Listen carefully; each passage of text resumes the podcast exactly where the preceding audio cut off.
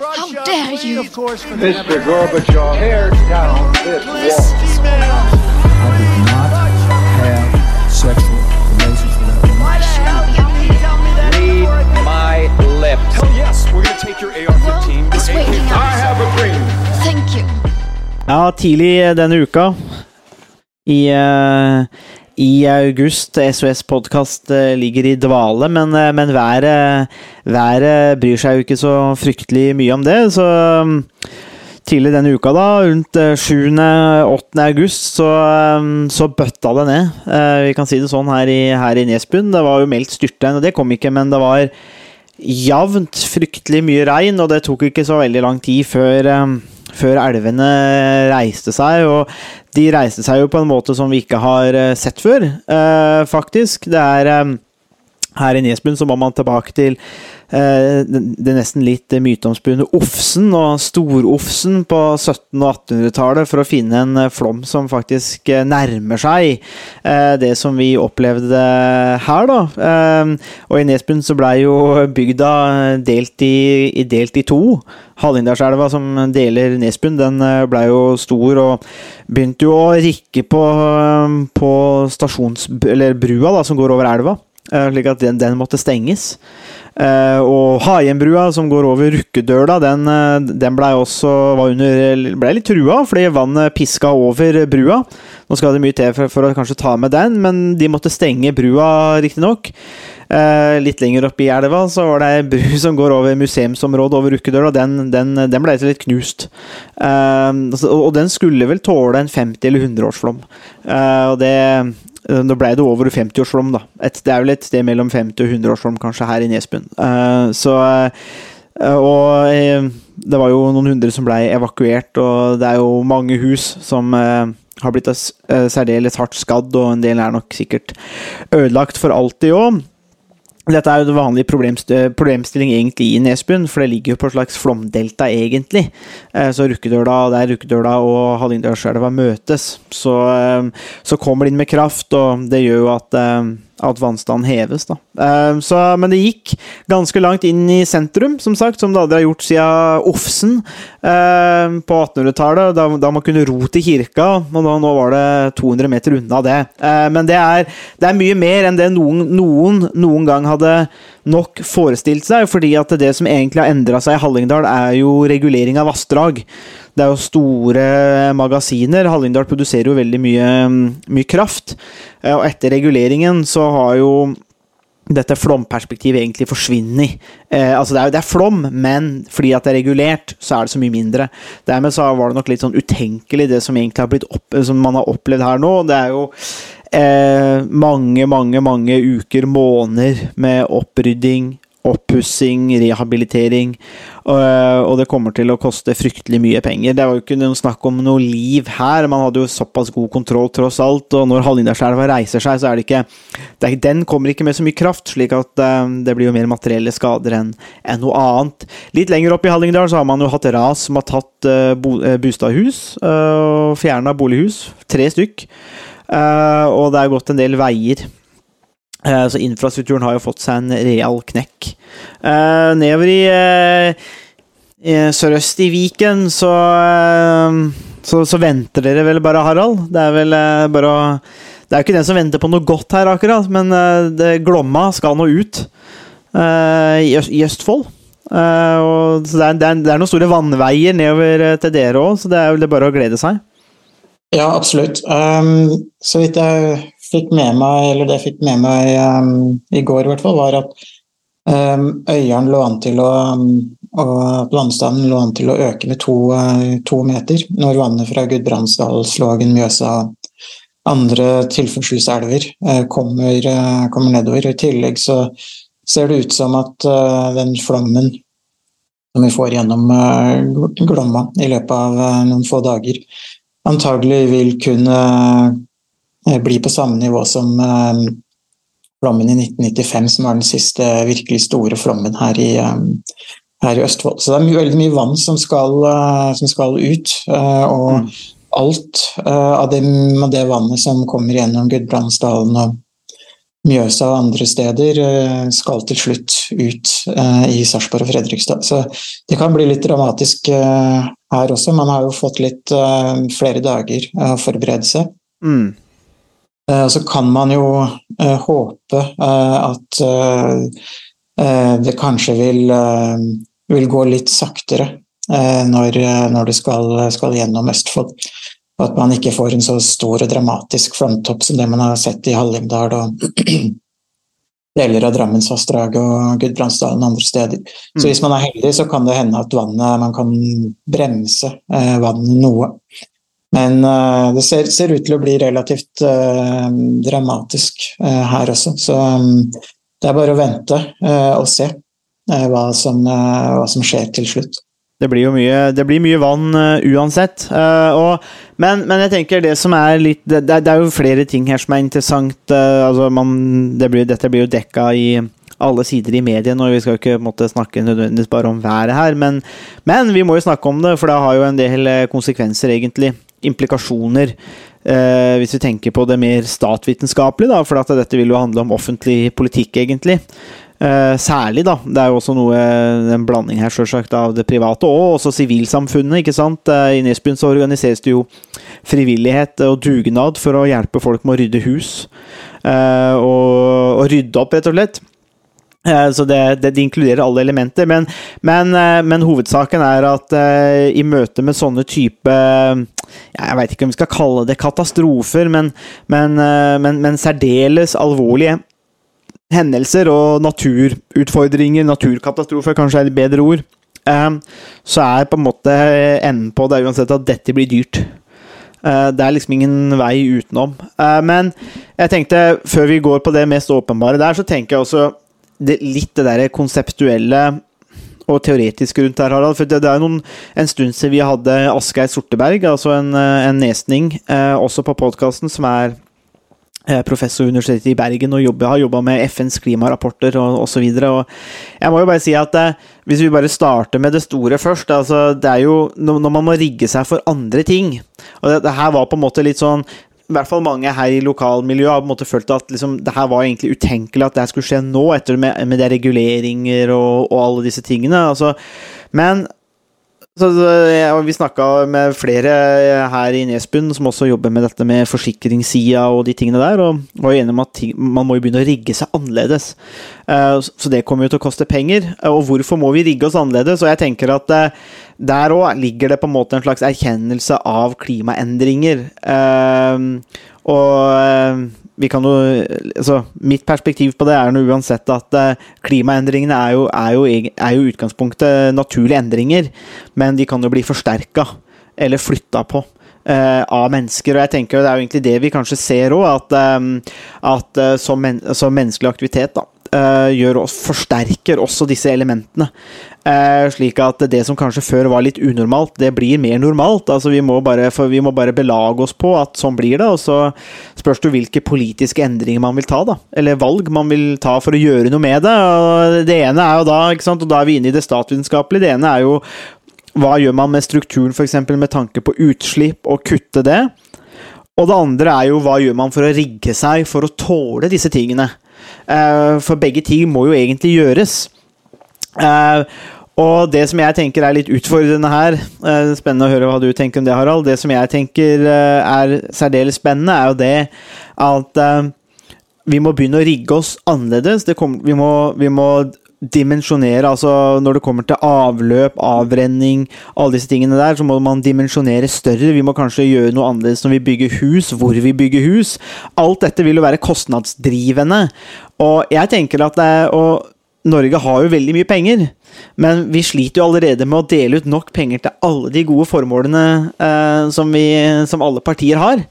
Men det å begynne å rigge seg helt annerledes infrastrukturmessig vil jo koste fryktelig mye, og kanskje ikke med direkte resultater eller direkte, måte, ja, direkte resultater eller fordeler for velgergrupper. Men vi må begynne å bruke disse pengene på infrastrukturmessig for å rigge oss slik at ikke vi, ja, blir bedre rusta for å tåle sånne type hendelser.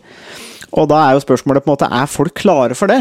Altså, Er, vi klar, er Norge og, klare for å bruke mer penger på sånne ting når vi hvis det da går på bekostning av overføringer til ulike grupper, stønader, alle mulige slags gode formål. Eh, Der ser jeg i hvert fall en politisk konflikt, da. Ja, eh, for det er veldig lett å mm, akseptere eh, klimaendringene og menneskeskapte klimaendringer. Det som er problemet, er hva som er de beste løsningene. Eh, hva er de beste politiske løsningene, hva er de beste løsningene for eh, naturen og, og klima. Eh, og det som er interessant, er jo at samtidig som vi har hatt den flommen i Norge denne uka, her, så har, vi også, har også regjeringen bestemt eh, at Melkøy, gassanlegget på Melkøy skal elektrifiseres. Mm. Og I kjølvannet av den beslutningen så har det også vært en ganske omfattende debatt om det her er et godt eller et dårlig eh, klimatiltak. Eh, Så problemet er liksom at okay, vi, det er veldig lett å identifisere klimaendringene. at det Årsmiddeltemperaturen f.eks. her i Søndre Østfold eh, har økt hvert, for hvert tiår fra 1990 og, og frem til, til nå. Så det er veldig lett å, å påpeke at vi gjennomgår klimaendringer. Det som er veldig vanskelig, er å vite hva som er de beste tiltakene. Der er det jo egentlig, litt som du var inne på også, Sondre, så er det jo egentlig to ting. Det ene er jo hva er det eh, vi må gjøre for å tilpasse oss klimaendringene? For klimaendringene er, jo eh, reelle. Eh, og eh, som du var inne på, så står vi jo ovenfor overfor utfordringer når det gjelder vann og avløp, Mm. Hvordan man skal bygge osv. Eh, og eh, det andre spørsmålet er jo hvilke tiltak er det man kan gjøre for å redusere eh, utslippene, og hvordan man kan eh, reversere eh, klimaendringene. Og det er spesielt på det siste, rundt det siste spørsmålet at det er veldig kontroversielt og veldig vanskelig å vite hva er de beste, eh, beste klimatiltakene. Eh, Dagens regjering, som består av Arbeiderpartiet og Senterpartiet, de ser veldig ulikt på akkurat det spørsmålet når det gjelder melkeøya Melkøya f.eks. Eh, Så her står vi jo overfor ganske mange eh, dilemmaer eh, som gjør det relativt vanskelig å vite hva som er de beste løsningene, hvordan vi skal forholde oss til det, både som enkeltindivider, men også som samfunn. Mm. og, og ikke bare det norske samfunnet, men også verdenssamfunnet. Så så spørsmålet om klimaendringer er jo mange, mange måter et, et veldig vanskelig eh, spørsmål. Eh, det Mm. som ganger kalles for wicked problem. Ja. Eller, som, er et, eh, et, eh, som er den type problemer som det er få gode løsninger på. Ingen enkle løsninger. Eh, som gjør at vi, eh, vi også eh, er i en situasjon hvor vi nok må bruke mye, vil bruke mye lengre tid på å finne de riktige løsningene. eh, Og at det vil ta mye lengre tid eh, å kutte utslipp eh, og, og nærme seg noe man kan kalle et bære, bærekraftig eh, samfunn også. Og sett i lys av det, så er det kanskje også enda viktigere da å kunne tilpasse seg eh, klimaendringene som, eh, som foregår, altså med hvor man bygger vann og avløp. Eh, det å kunne sette av eh, eh, bekker, åpne bekkeløp eh, Mm. som vann kan, eh, kan samle seg, istedenfor at man sender det gjennom, eh, eh, gjennom, eh, gjennom betongrør eller plastrør. Mm. Eh, Så, så der er det jo liksom bare, bare sånn helt trivielle eh, ting som at vannet går mye raskere gjennom plastrør enn betongrør, f.eks.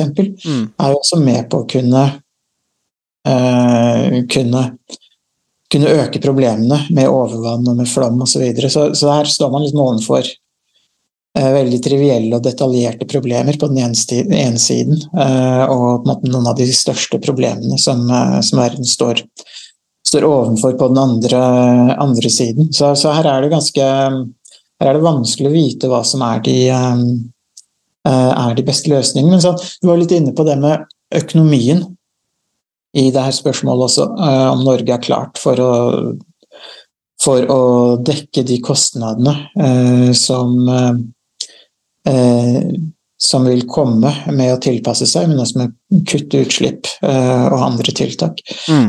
Eh, Så det, jeg så en graf i dag eh, tidlig som viste at verden totalt sett bruker mye mindre av brutto nasjonalprodukt for å eh, håndtere eh, ekstreme værhendelser i dag enn for 40 år siden, f.eks. Mm. Eh, så det som er positivt med det, er at eh, vi som, eh, som verdenssamfunn, og det gjelder både utviklingsland og, og rike land, eh, blir bedre i stand til å håndtere eh, ekstreme værhendelser. Og det, er, eh, og det er positivt. Og man også ser på antallet, døde, antallet dødsfall fra 1900 og fram til, eh, til i dag er jo sterkt redusert eh, som følge av ekstreme værhendelser og klimahendelser. Både i absolutte tall, men også i relative tall. Så til en viss grad så, så har vi klart å tilpasse oss eh, allerede, eh, selv om det er eh, er veldig mye mer som, eh, som må gjøres, og som, eh, som kan gjøres for å både tilpasse seg og, og andre tiltak. Mm. Det, er jo, det er jo sånn som her i, her i Nesbyen, så er det jo ene, ene dalsida er, er, jo bare pepra med rasutsatte punkter, og der har man jo ikke lov til å bygge lenger. og eh, det er En del av de husene som er eh, i Nesbyen nå, som er, nå er, veld, veldig skadd slash ødelagt, ubeboelig, det ligger jo også i det som er nå, nå er flomsone, man får ikke bygge der lenger. Uh, og, og, så ser man at det, det, burde kanskje ikke vært bygd der i første omgang, og så har man jo fylt inn deler av Rukkedøla. Og det som har skjedd, er at Rukkedøla den går jo vanligvis ganske rolig, uh, men den har jo også blitt trangere. Uh, og den sonen hvor, hvor, hvor, hus har blitt ødelagt og tatt, så er jo det i den gamle egentlig gamle Delta. Hvis man ser gamle bilder fra Nesbyen før reguleringa, og før man begynte å bygge nedover der, så så man jo det at alle husa lå jo langt opp, og så nedover så var det egentlig bare jorder. Eh, og så så man ofte at eh, Rukkedøla bare vifta seg ut eh, i en svær delta. Og det er jo folk med mye kunst, lokal historisk kunnskap eh, som mener at eh, der elva nå fant veien sin, var i gamle elveleier. Eh, for det var så mye vann, men den fant måtte bare veien tilbake. Eh, men der er det nå bygd masse hus. Eh, og, og, det er klart at vi må kanskje bli bedre, der må man kanskje bli bedre på. At du, du, man må bli mye strengere på hvor er det man bygger hus. Det er kanskje dyrere å bygge andre steder enn å bygge flatt langs elva. For det er flatt og det er greit å bygge og enkelt å bygge, men det har også så store potensielle konsekvenser da, at det ikke lar seg gjøre. Men, og oppi denne lia, da, Arnegårdslia som det heter, så, så er, har det vært mange ras før. Og, og, og da snakka jeg med en som har jobba med forsikring da, i Hallingdal i, i, i, mange mange flere tiår. Han sa at alle, alle tilfeller eh, har kommet som konsekvens av menneskelig inngrep, altså skogsbilvei. Eh, og i de områdene hvor de har tatt eh, ordentlig kontroll på skogsbilveiene. De har vedlikeholdt og de har rigga om og hvordan det måte, drenerer og avløpet. De veiene har tatt unna alt regnet som kom. Men de gamle, altså der det ikke er vedlikeholdt, der finner vannet fort vekk nye veier, eh, og der det kan bidra til å skape ras. da. Så rasa kommer som en eh, Det er menneskelig inngrep, men altså gjerne skogsbilvær, men som ikke er vedlikeholdt. og det og det er, litt, og det er sånne, sånne småting sånn som du nevner, Harald. altså Hvordan er det, hvilke rør bruker man, hvordan fanger man opp vannet, hvordan bremser man vannet? Og hvordan vedlikeholder man f.eks. stikkrenner og andre typer ting som gjør at det tar unna, istedenfor at det bygger seg opp og, og kommer i nye veier. og det er jo det er jo ting som også krever ressurser og energi, men det er jo, det er jo relativt små ting da, som man kan gjøre for å kanskje hindre potensielt større ting. Og så er det jo selvsagt en del uforutsette ting som man ikke har noe kontroll over, men man, man må jo bare prøve å kontrollere det man kan. Uh, når det kommer til disse tingene der. Det, men det er jo uh, det er jo likevel en, en, en, utfordring med at dette, dette koster mye penger. Uh, og det er jo Ja, jeg tenker at det er en Altså, ja Må det en Må det en Altså behøves det en slags endring i hvordan folk tenker? Altså vi tenker om på en måte natur, eh, forebygging og hvordan vi bruker offentlige midler. Eh, og kanskje vårt eget forbruk, altså som en del av det. Altså er vi nødt til å ha en større til dels større rekonfigurering av på en måte vårt tankesett. da, At vi er på en måte fanga litt i Ja, men det har jo alltid måte vært greit, og Norge er trygt og stabilt, og alt er på en måte fint, og at vi rett og slett må erkjenne en, en, en form for ny realitet. da, En eh, slags ny realitetsorientering. Tror du vi, tror du vi er der, eh, Harald? At vi må, må rigge oss litt annerledes der òg? Eh, nei, jeg tror faktisk ikke det. Um, delvis fordi, som jeg nevnte, så er det, det er færre og færre som dør uh, i natur som følge av naturkatastrofer. Uh, både i rike og fattige land. Så et, hvis man ser spesielt i utviklingsland, så um, er klimaspørsmål om klimaendringer ganske langt uh, nede på, på agendaen hos veldig mange. I land som Egypt, eh, Bangladesh og Sri Lanka så er det så mange som 65% av befolkningen som ikke har hørt om klimaendringer engang. Og totalt sett i hele verden så er det rundt 40% som ikke har, um, har hørt om, uh, om, klimaendringer. Så til en viss grad så er spørsmålet om klimaendringer det er også et, et, et vestlig uh, spørsmål. Eh, som har mye større, eh, mye større, oppmerksomhet, mye større fokus i, eh, i mange vestlige, vestlige, land. Så hvis man ser på verden totalt sett, så, så, tror, jeg man, så tror man er ganske langt unna en sånn rekonfigurering av, av både, av både atferdsmønster, handlemønster og forbruksmønster. Ja, men i Norge trenger vi kanskje det, da? Ja, jeg vet ikke helt. Altså Norge Jeg vet ikke helt om, eh, om det vil være verken mulig eller mm. eh, hvordan man kan gjøre det i det hele tatt. Fordi hele vår, eh, vårt samfunn eh, er så tett knytta til bruk av gass og, og, mm. olje, ikke bare i Norge fordi vi er en uh, oljeprodusent, men den måten vi lever på, den måten vi bygger hus på, den måten vi transporterer varer og mennesker på osv. er så avhengig av uh, olje og gass at det er, det er, vanskelig å helt fjerne seg uh, fra den måten å, å operere på. Uh, så jeg tror hvis det i det hele tatt skal være mulig, så vil det være en prosess som vil måtte gå over svært lang tid. og det er jo også litt som jeg var inne på i innledningen, det er veldig lett å akseptere menneskeskapte klimaendringer eh, som en realitet, men det er veldig vanskelig å vite hva som er de beste mm. klimatiltakene. fordi hvis det var mulig å si at eh, elektrifisering av Melkøya var en helt opplagt løsning på å redusere utslippene i Norge, så, så ville man jo på en måte bare gjort det. Mm. Eh, men problemet er at det er ikke opplagt hva som er de beste eh, klimatiltakene heller. Eh, det er noen eh, klimatiltak som er ganske opplagte, sånn som det vi har vært inne på med å tilpasse seg eh, endringene i forhold til både bekker og elver og hvor man bygger osv. Men når det kommer til mer sånn kompliserte spørsmål om hvordan vi skal nærme oss et mer bærekraftig samfunn og et nullutslippssamfunn, så er det så er, det ganske, så er det ganske vanskelig å se hva som er de, de opplagte løsningene. Så man kan også se på hvordan eh, det å forsøke å nærme seg et, eh, et samfunn med lavere utslipp også skaper utfordringer og problemer. Mm. Som f.eks. Eh, gruvedrift i Afrika, Asia, eh, Latin-Amerika for å utvinne litium og kobolt og andre metaller som man, eh, som man trenger for å bygge eller lage batterier til, til elbiler. Det skaper jo også en del eh, miljøproblemer og, og, også menneskerettighetsbrudd eh, og andre ting som eh, andre problemer. Så, så, ikke, det, så, uansett hvordan man snur og vender på det, så, så er det ikke opplagt. så det er noe av det som jeg nok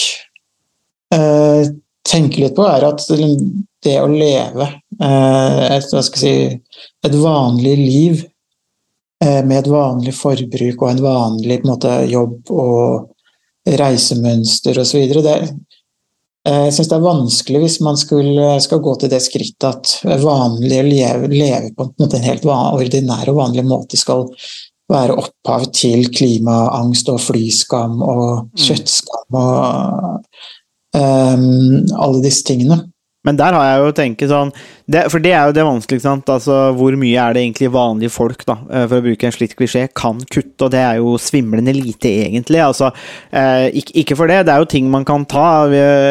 Eh, kona og jeg eh, ser jo på å bygge hus, eventuelt eh, kjøpe et hus, men noe av det vi har gjort da, er uansett f.eks. å legge inn bergvarme, da, ta den investeringen, eller jordvarme.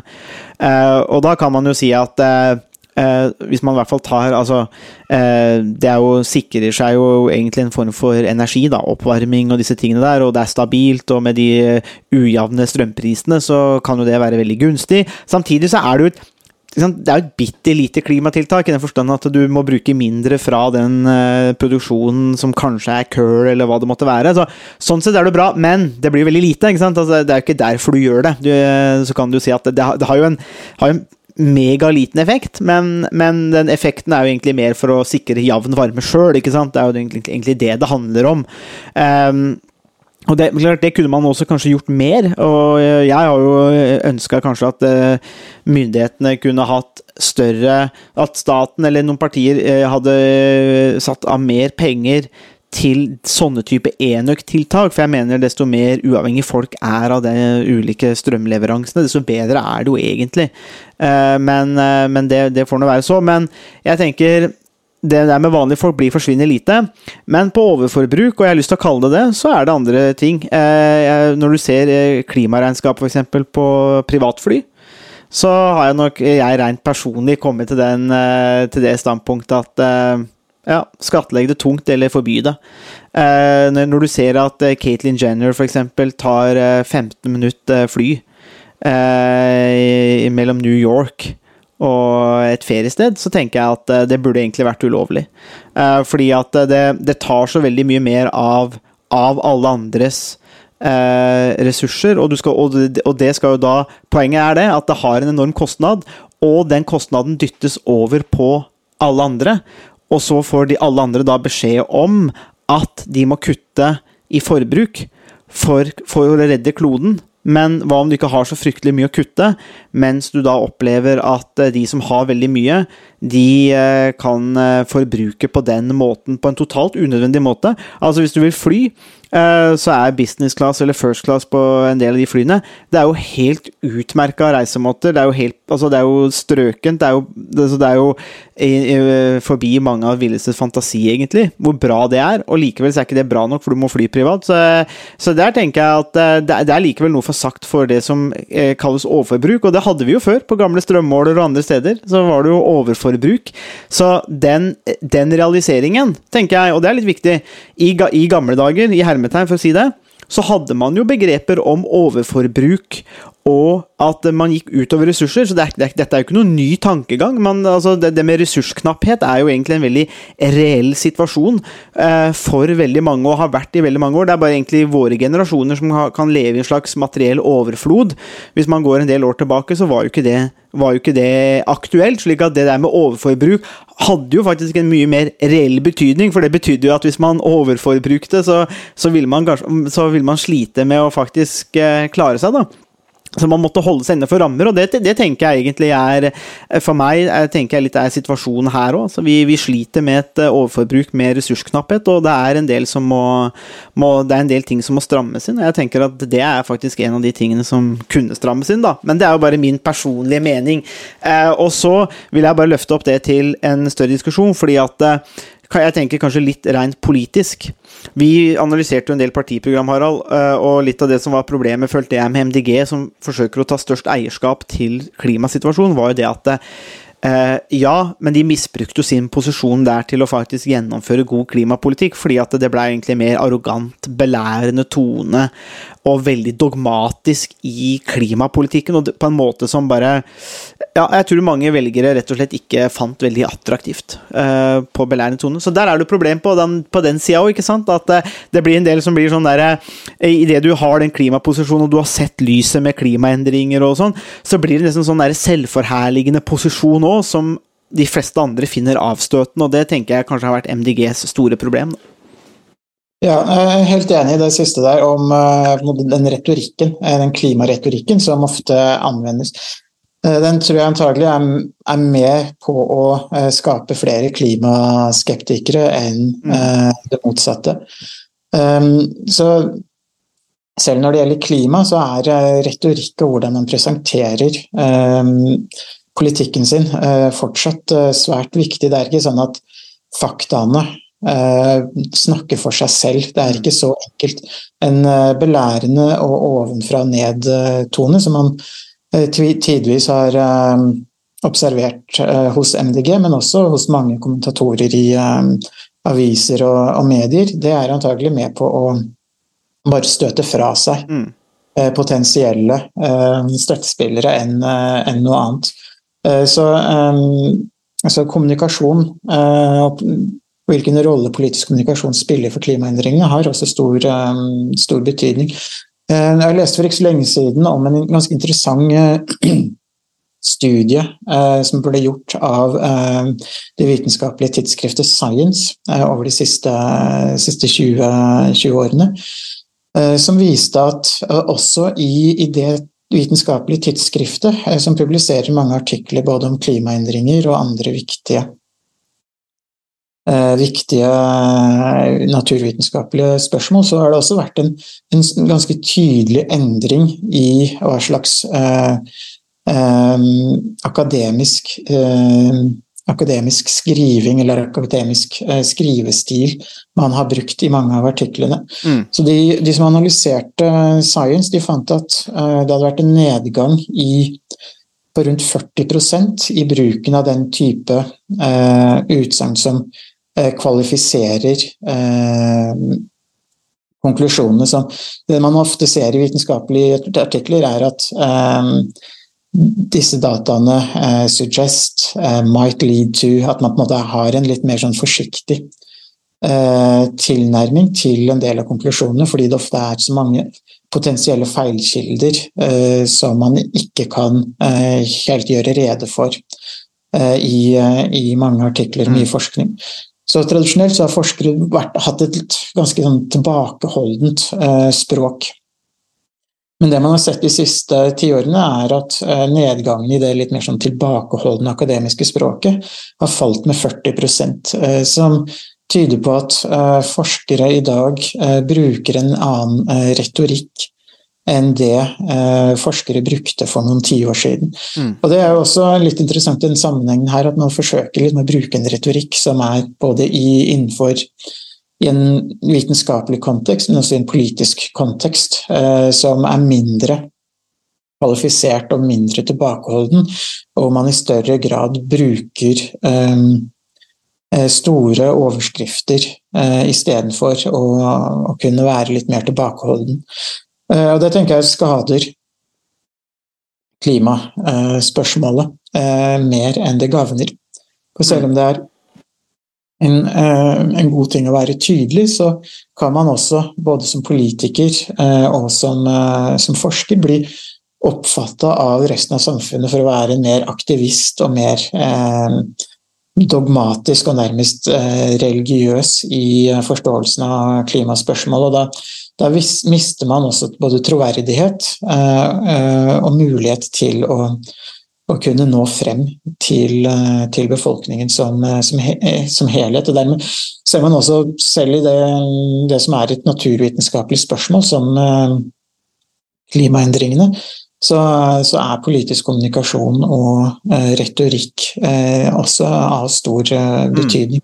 Ja, ja, helt, helt, helt klart. Og der er, jo, der er det jo en, en kamp, og det blir spennende å se hva f.eks. MDG gjør. da. Eh, fram til neste valg òg. De hadde jo en, eh, en selvransakelse eh, på valgkampen sin, som også toucha på noen av disse elementene her. Det blir spennende å se om de på en måte klarer da, å, å, ta, å, å gjøre den saken der om til noe større.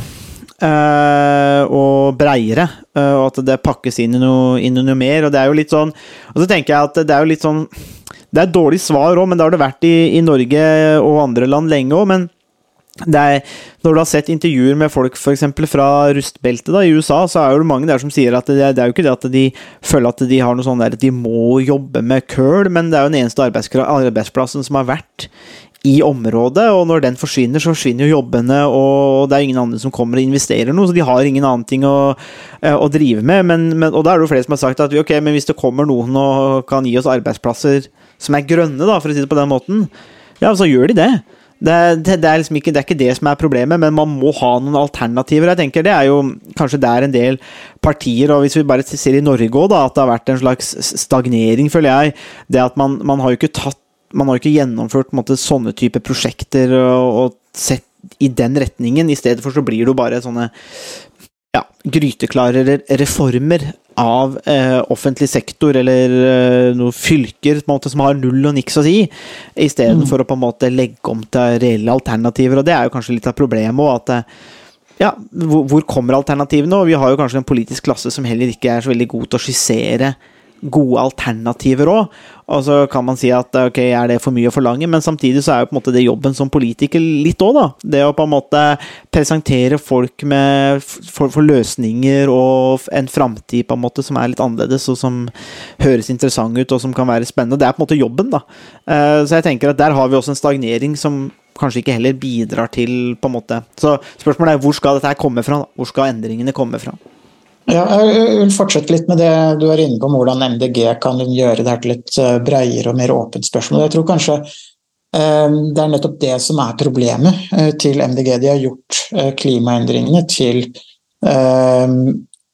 det eneste og største problemet, at alle politiske spørsmål må ses i et klimaperspektiv. Og jeg tror når man går til det skrittet, så, begynner, er det der problemene begynner. fordi Da nærmer man seg det man kan kalle en slags sånn klimareduksjonisme, hvor alle problemer kan ledes tilbake til, til klima. Det er litt den samme uh, feilen som en del uh, som en del uh, sosialistiske og revolusjonære venstreorienterte partier har gjort tidligere, hvor de måtte kunne redusere alle problemer til et spørsmål om klassekamp. Mm.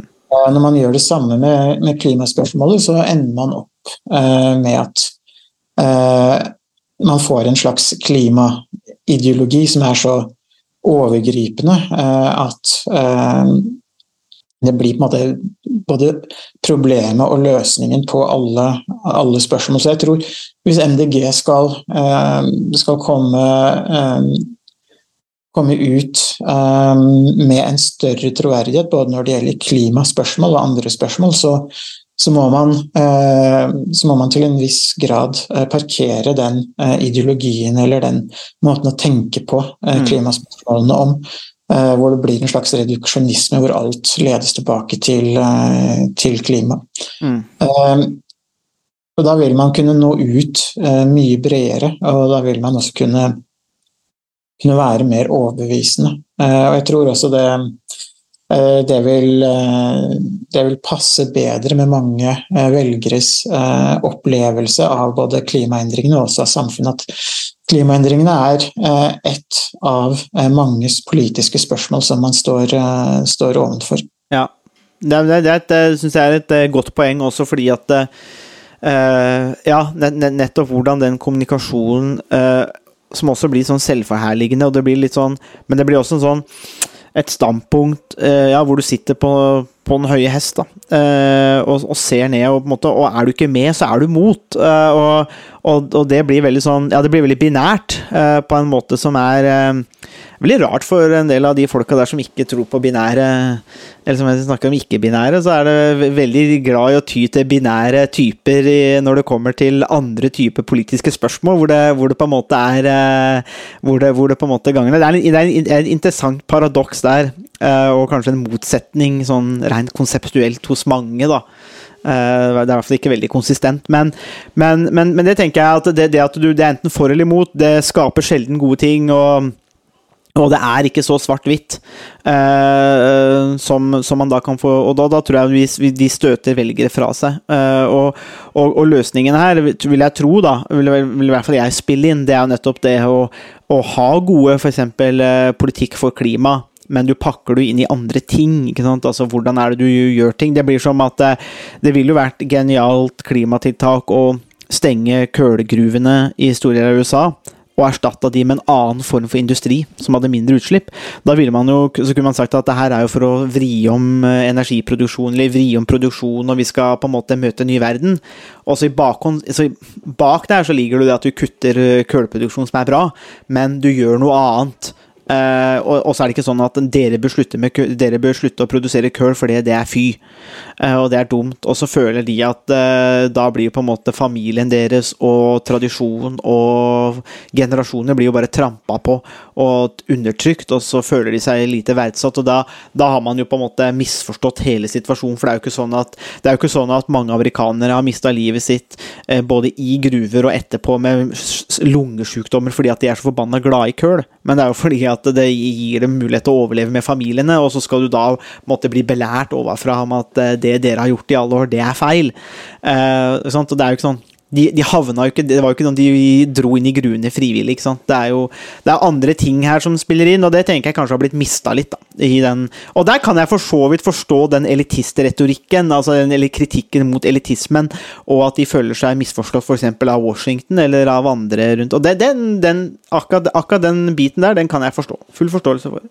Ja, jeg tror det der er et kjempeviktig poeng. fordi den eh, moraliseringen av klimadebatten tror jeg er uh, veldig uh, uheldig uh, og er med på å, å skape den polariseringen som vi har sett i, i, mange land de siste, spesielt de siste ti årene. Mm.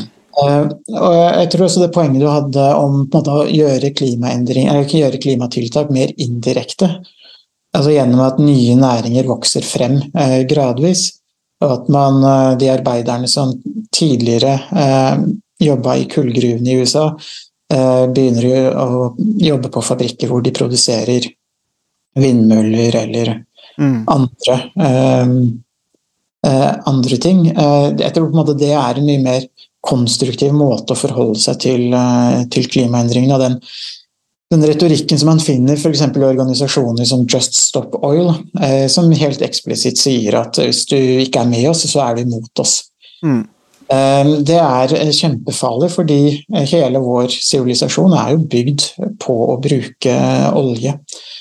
Eh, så hvis vi, hvis vi, bare skal stoppe med olje, så vil jo det kanskje muligens føre til eh, at Eh, menneske, vil kanskje skape enda større problemer for menneskeheten mm.